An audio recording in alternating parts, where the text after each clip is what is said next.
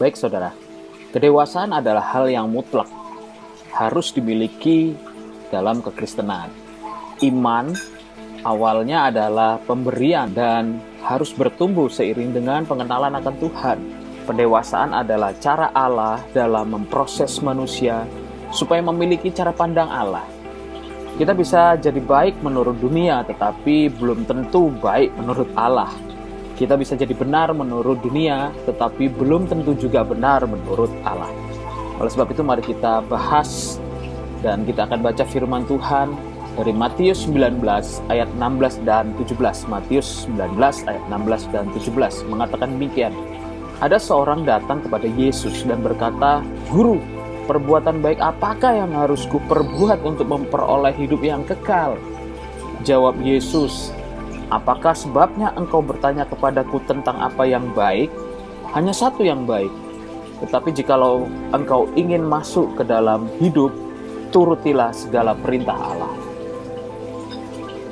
Menuruti perintah Allah artinya mengerjakan keinginan Allah, menuruti kehendak Allah agar kita dapat memperoleh hidup.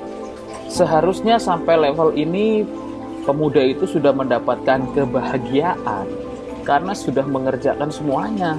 Tapi mengapa pemuda ini tidak memahami dan masih bertanya apa yang masih kurang?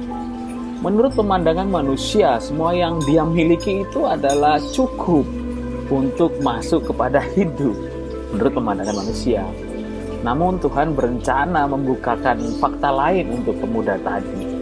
Dan kita semua tahu bahwa kebaikan menurut pemahaman manusia sangat berbeda dengan kebaikan menurut pemahaman Tuhan. Tahukah Anda bahwa di Perjanjian Lama mengerjakan tawar itu adalah hal yang baik? Tahukah saudara bahwa itu bukan hal yang sempurna? Makanya Tuhan Yesus pernah mengecam orang-orang Farisi. Hal yang sempurna hanya Tuhan yang dapat mengerjakannya. Oleh sebab itu, dibutuhkan kasih karunia atau anugerah untuk manusia bisa mencapai kepada kesempurnaan yang Tuhan inginkan. Mari kita baca lagi ayatnya yang ke-21. Kata Tuhan Yesus kepadanya, Jikalau engkau hendak sempurna, pergilah, jualah segala milikmu, dan berikanlah itu kepada orang-orang miskin.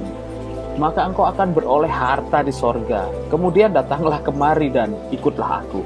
Tahukah saudara, ini membukakan sebuah pemahaman baru bagi kita ada tiga hal yang harus kita pelajari dari perikop ini. Yang pertama adalah Tuhan mengatakan tadi pergi jualah hartamu. Ini membutuhkan kerelaan.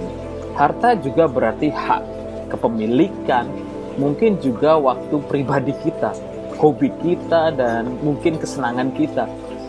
Juga makanan. Ya, segala sesuatu di mana kita dengan sayang menggenggamnya sangat erat.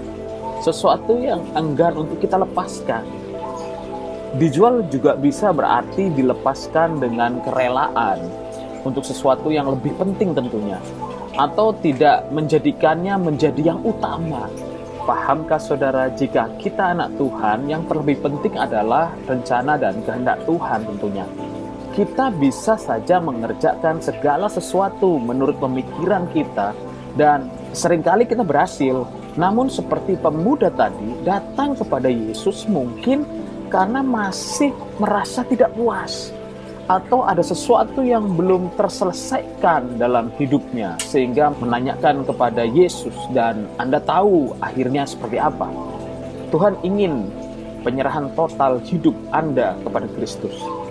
Karena Tuhan tahu sungguh rancangan manusia sangat berbeda dengan rancangan Allah dan Allah ingin manusia hidup benar dan tinggal di dalam anugerah.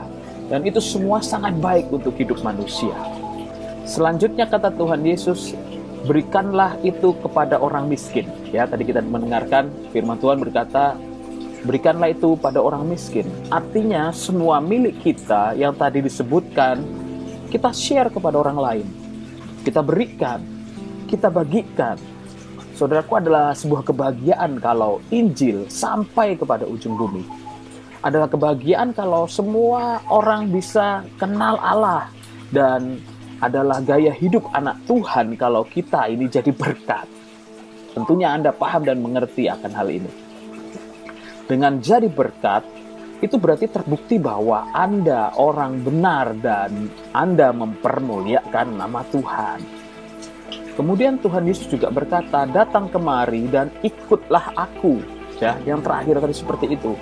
Artinya berbalik dari pemikiran terhadap diri kita menuju kepada pemikiran kepada Allah dan mengarahkan pandangan kita hanya kepada Allah saja.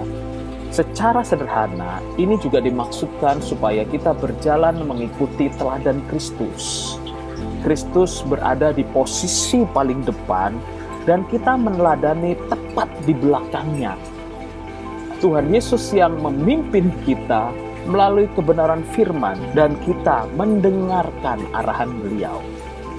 Nah, dengan kata lain ketiga hal tadi yang sudah kita bicarakan, saya rangkum bahwa kita diajar untuk mengosongkan diri kita dari hal-hal yang di luar kehendak Allah dan mengisi dengan pemikiran Allah saya berharap kebenaran firman membawa Anda kepada terang, supaya Anda bisa melihat lebih jelas jalan yang sudah Tuhan sediakan buat Anda. Tuhan Yesus memberkati saudara.